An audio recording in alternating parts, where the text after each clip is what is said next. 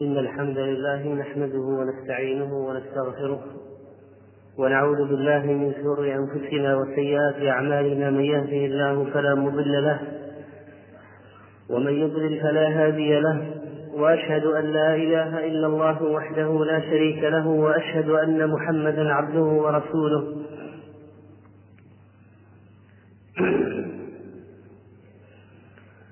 وبعد فيا عباد الله اتقوا الله الذي خلقكم ورزقكم وأنعم عليكم ومن اعظم نعمه سبحانه وتعالى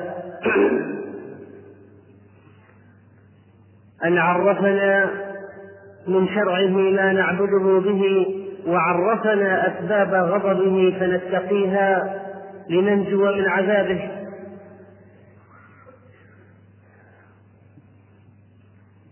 أشهد أن لا إله إلا هو وحده لا شريك له وأشهد أن محمدا عبده ورسوله. الذي قال لنا في حديثه الرجلين قال إنهما يعذبان وما يعذبان في كبير أما أحدهما فكان لا يستتر من بوله وأما الآخر فكان يمشي بالنميمة. وعذاب القبر ثابت في هذه الشريعة جاءت به لتحذير المسلمين من أهوال القبر وما فيه من الفتن وهو مما حذر منه الأنبياء من قبلنا. ولذلك جاءت امرأة يهودية لعائشة رضي الله عنها فقالت لها أعاذك الله من عذاب القبر؟ قالت عائشة فعجبت من قولها وسألت عنه رسول الله صلى الله عليه وسلم فصدق ما قالت اليهودية وأخبر أن الناس يفتنون في قبورهم مثل أو قريبا من فتنة الدجال. وكان النبي صلى الله عليه وسلم إذا دفن الميت وقف عند قبره واستغفر له وقال للناس استغفروا لأخيكم واسألوا له التثبيت فإنه الآن يسأل. فأثبت النبي صلى الله عليه وسلم فتنة القبر. والسؤال الذي يكون فيه كما أثبت عليه الصلاة والسلام عذاب القبر والنكال الذي يكون فيه وأول شيء يحصل في ذلك المقام الضغطة التي يضغط بها القبر على صاحبه. كما أخبر النبي صلى الله عليه وسلم عند دفن طفل أنه لو نجا أحد من هذه الضغطة لنجا ذلك الطفل. وعند موت سعد بن معاذ لو نجا أحد منها لكان سعد لكان سعد هو الذي نجا. ولكن هذه الضغطة عامة لجميع من يدخل القبر. فإذا كان من أهل الصلاح روخي عنه وانفرج القبر واتسع عليه وإن كان من أهل الكفر والفجور ازداد عليه ضيقا حتى تختلف أضلاعه. ثم يكون بعد ذلك السؤال وبناء عليه يكون النعيم أو العذاب.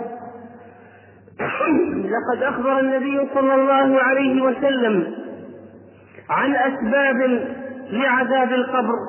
ذكر منها في هذا الحديث سببين. الأول النميمة. وقد قال عليه الصلاة والسلام في الحديث الآخر لا يدخل الجنة نمام وفي رواية قتال فالنمام الذي ينقل كلام الناس بعضهم إلى بعض بقصد الإفساد بينهم فيسمعهم يتحدثون حديثا. فينم عليهم وقيل إن القتات هو الذي يتسمع عليهم دون أن يشعروا ثم ينقل خبرهم فهذا الذي ينقل للإيقاع وللإفساد بين المسلمين يكون متعرضا مباشرة لسبب من أسباب العذاب في قبره. إن هذه النميمة من الآفات العظيمة في المجتمع والنمام يفسد ذات البين والشريعة جاءت بإصلاح ذات البين والأمر بالتقريب بين نفوس المؤمنين. فهذا النمام يعمل على خلاف ما أمرت به الشريعة وما سعت إليه ويفعل بالناس فعل النار بالهشيم فيدخل بين الصديقين فيصيرهما عدوين. وينقل إلى كل منهما عن أخيه ما يسوءه ويكدر عليه. وهذا ولا شك إيذاء للمؤمنين والمؤمنات. وقد قال عز وجل والذين يؤذون المؤمنين والمؤمنات بغير ما اكتسبوا فقد احتملوا بهتانا وإثما مبينا. وينبغي للإنسان إذا بلغه خبر من نمام أن يرده عليه. وأن يعظه وينصحه وقد قال الحكماء من نم لك نم عليك.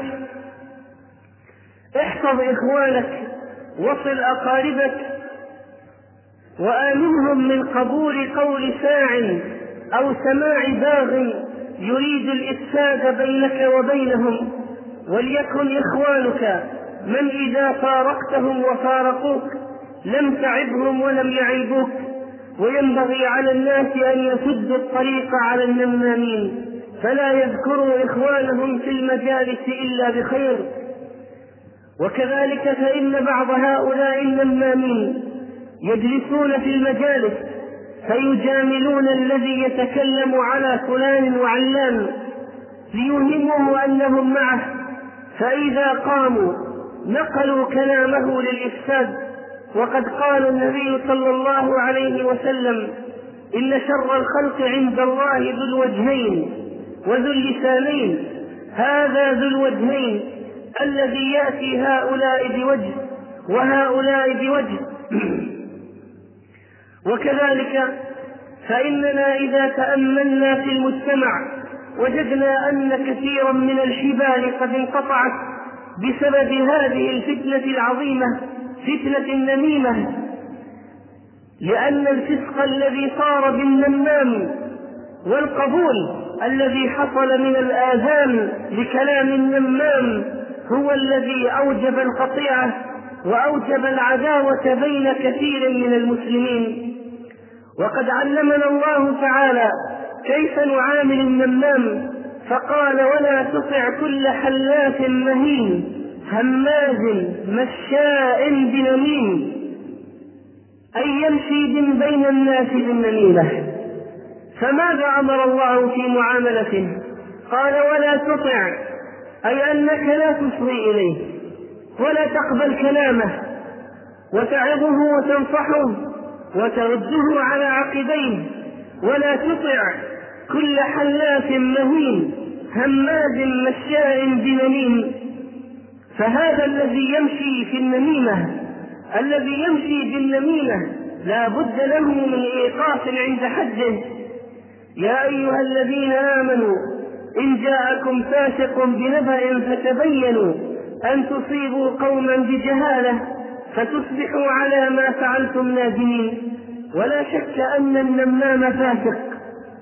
ولذلك ينبغي التوقف في قبول خبره والاحتياط والتحرز وهؤلاء النمامون لم تسلم منه العلاقات الزوجية ولا علاقات الموظفين مع مدرائهم ولا الموظفون بين بعضهم البعض بل حتى طلبة العلم.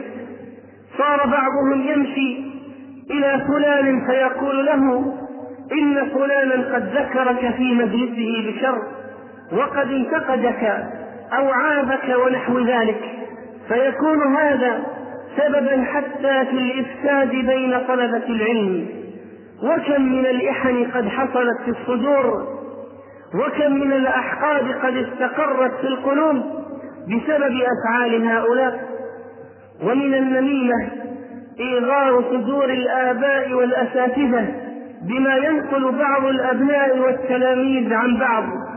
فيصبح الولد البار والتلميذ الصالح بغيضين ممقوتين وهما يستحقان من الوالد والمعلم الشكر والتقدير. أما النميمة في البيوت وبين العائلات أما النميمة في البيوت وبين العائلات فحدث عن الابتلاء بها.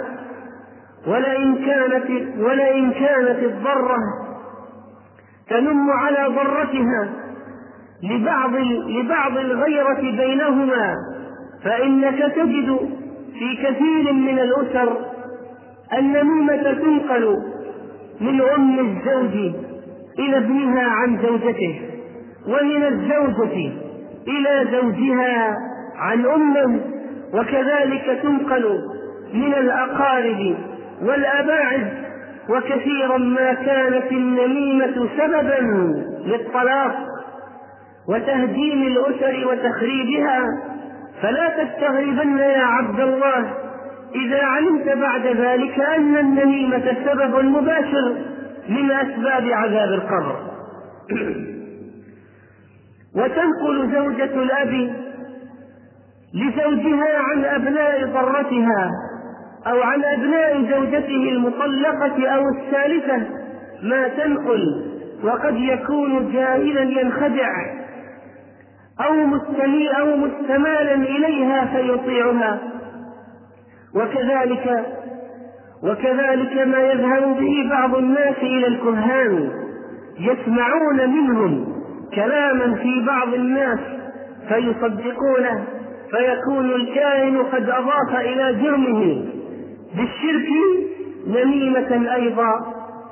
وكذلك فإن بعض المدراء في الشركات أو المسؤولين في الدوائر لا يكونون حكماء فيفتحون المجال للموظفين في نقل الأخبار في بعضهم البعض وربما يريد أن يفرق ليسود وأن تجتمع عنده الأخبار زعما بأنه من طبيعة وظيفته أن يعرف ما يدور ولكن الشريعة فوق هذه الأمور الإدارية التي يظنها بعض المدراء مصلحة وإنما المفسدة فيها كل المفسدة. فبعضهم فبعض الموظفين قد فصل أو اضطر إلى مغادرة عمله بسبب نميمة موظف آخر. وكل واحد يريد أن يتزلف إلى المدير بكلام ينقله عن موظف آخر تكلم على هذا المدير أو ذمه ونحو ذلك.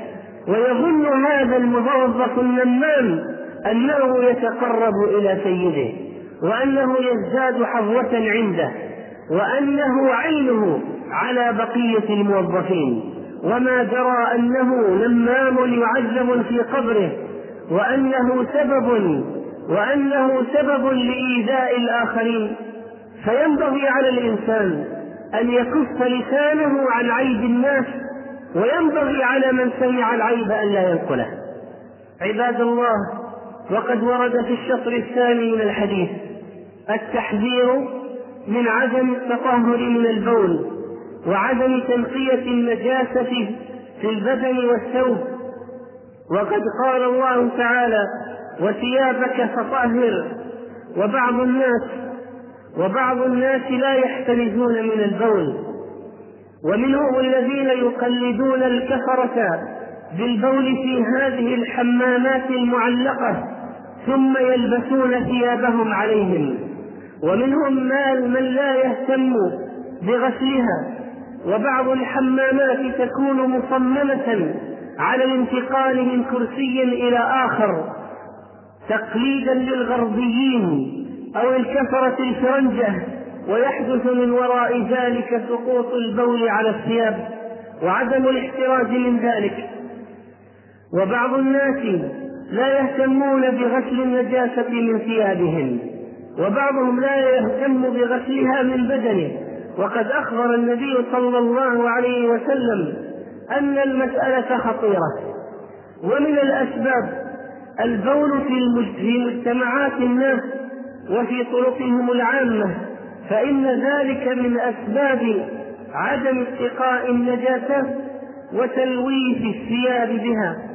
وكذلك وكذلك فإن بعض الناس ربما لا يهتم بطريقة الغسل لكي تكون منقية فتختلط الثياب النجسة بغيرها ولا يكون الغسل مذهبا للنجاسة. وينبغي أن نعلم أطفالنا التحرز من النجاسات من الصغر وهذه قضية تنمو مع الولد إلى الكبر.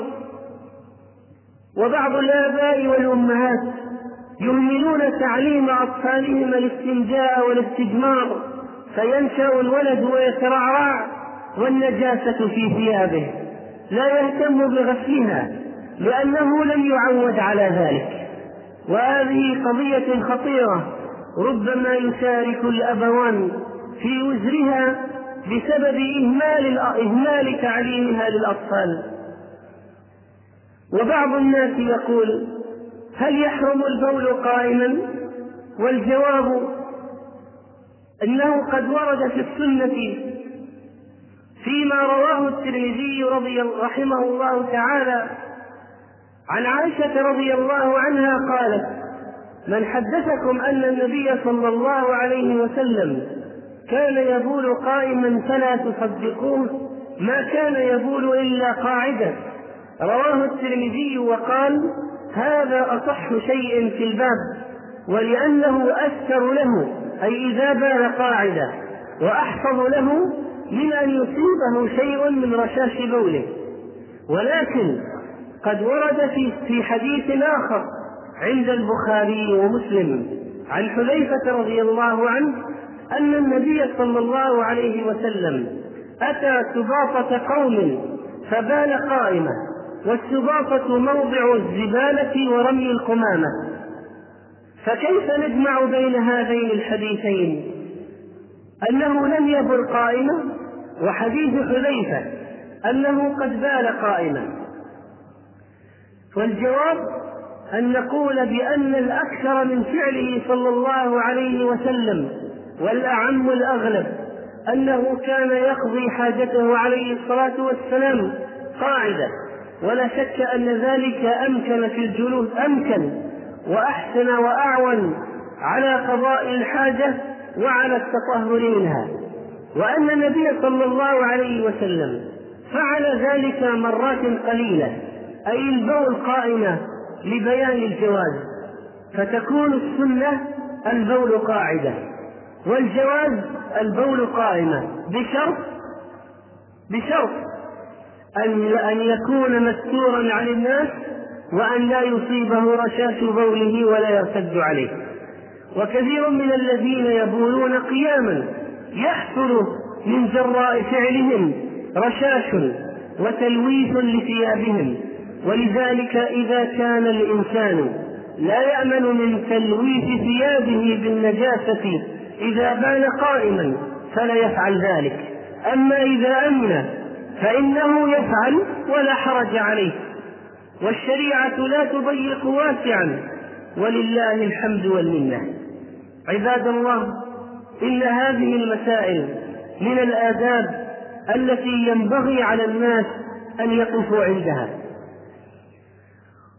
وينبغي لفت النظر إلى أن بعض الناس إذا سمعوا مثل هذا الحديث في عذاب القبر من جراء عدم عدم الاستتار من البول أوقعهم الشيطان في الغلو ونقلهم من عالم الطهارة والنقاء إلى عالم الوسوسة والعذاب.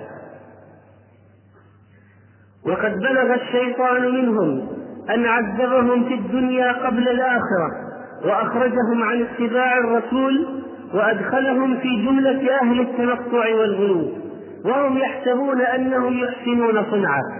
فترى أحدهم يقوم بحركات عجيبة شاذة من العصر وإدخال شيء لاستخراج ما في الداخل والإنسان غير مكلف بما في داخل جوفه من النجاسة مكلف بغسلها إذا خرجت. والنسر والنحنحة والقفز ويمكثون الساعات الطوال في دورات المياه فتضيع صلاة الجماعة بل ربما ضاعت الصلاة كلها بإخراجها عن وقتها. زعما منهم أنهم يحتاطون ويتورعون ويزيلون النجاسة ويطبقون الدين وليس إلا التنطع والغلو في الدين. فإن الشريعة لم تأمر بهذه الإجراءات التي ربما سببت المرض لبعض هؤلاء الموسوسين. فأصيبوا بالسلف وبالآلام المبرحة ونحو ذلك. وينبغي على الإنسان إذا ابتلي بالسلف وهو عدم القدرة على منع البول فقد الإرادة على فقد الإرادة على منع إخراجه فصار يخرج منه بغير إرادة أن يفعل ما ذكره أهل العلم. فإذا دخل وقت الصلاة غسل الموضع وما أصاب الثوب من النجاسة وتوضأ للصلاة مرة واحدة. لا يزيد ولا يعيد ومن زاد فقد أساء وتعدى وظلم.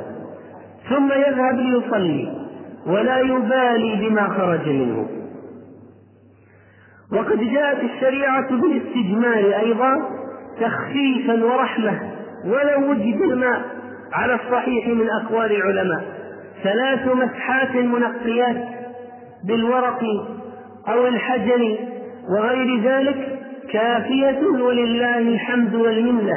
إذا لم تتجاوز النجاسة الموضع. فإذا تجاوزت الموضع المعتاد وانتشرت على الجلد فلا بد أن يغسل بقية المكان الذي أصابته النجاسة. نسأل الله سبحانه وتعالى أن يجعلنا من التوابين وأن يجعلنا من المتطهرين وأن يخلصنا من الغيبة والنميمة والكذب. إنه أرحم الراحمين. أقول قولي هذا وأستغفر الله لي ولكم. وتقدموا وأفسحوا لإخوانكم يفتح الله لكم. الحمد لله الذي جعل في تعاقب الليل والنهار عبرة لأولي الأبصار. أحمده سبحانه لا إله إلا هو العزيز الغفار. وأشكره وأثني عليه الخير كله. وأشهد أن لا إله إلا الله وحده لا شريك له.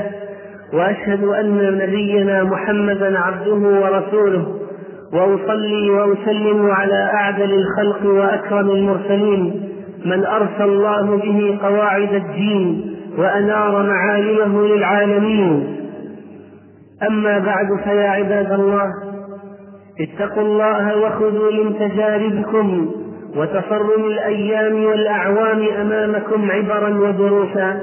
فكم في ممر الأيام والأعوام من عبر وكم من تصرم الأزمان والأحوال من مدكر. كم في ذلك مما مما يذكر بأن لكل شيء من المخلوقات نهاية. فجمعتكم هذه هي آخر جمعة في هذا العام الهجري وبعد قلاء أيام قلائل سيطوى سجله ويختم عمله ويبقى عامنا شاهدا علينا بما أودعناه من خير أو شر وإذا كان أهل الأموال يعملون لتصفية حساباتهم وجردها في وجرد والجرد في آخر كل سنة مالية أو تجارية ينظر الطرق التي استفادوا منها فيكثروا منها والطرق التي خسروا فيها فيجتنبوها. فما أحرى المسلم أن يقف مع نفسه في مثل هذه المناسبة مذكرا لها ومحاسبا عما حصل منه في العام الماضي.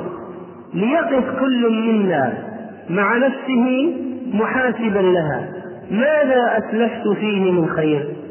وماذا أسلفت فيه من شر؟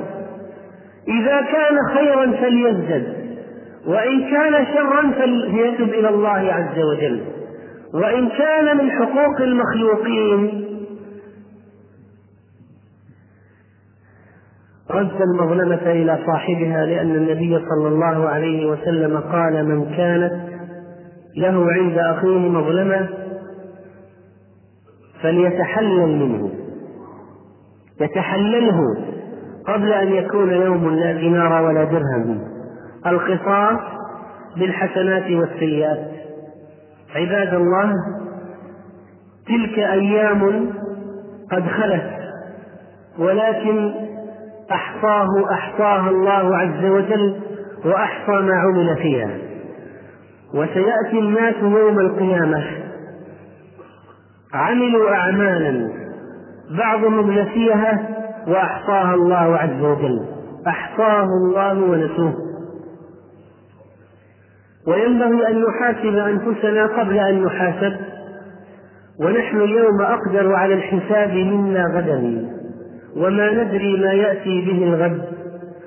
فليكن ختام العام مناسبة حساب لنا ووقفة نصحح بها مسارنا ولحظة صدق مع أنفسنا نأخذ من يومنا لغدنا ونستعد لما سيأتي. والمؤمن بين مخافتين. أجل قد مضى لا يدري ما الله صانع فيه. وأجل قد بقي لا يدري ما الله قاض فيه. فليتخذ العبد من نفسه لنفسه ومن دنياه لآخرته ومن الشديدة قبل الهرم ومن الصحة قبل المرض ومن الغنى قبل الفقر يبادر الأعمال قبل أن تهجم عليه الأعراض فتمنعه من العمل. أيها الإخوة يقول المحللون الاقتصاديون أن الشهر القادم سيكون شهر التنفيذ الفعلي والتخطيط العملي لإجازات الناس السنوية. وفيه سيحدثون للأسفار ويقررون ماذا يعمل في الإجازات. ولا بد أن تكون هذه المسألة تابعة للمحاسبة التي أسلفنا الكلام عنها قبل قليل. وأن يكون نهاية العام استعداد لطاعة الله عز وجل في العام الذي يليه وليس استعدادا للمعصية.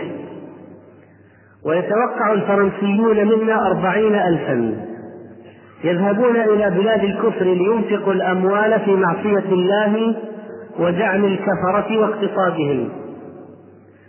وبعض الناس لما ضاقت بهم الأموال شيئا ما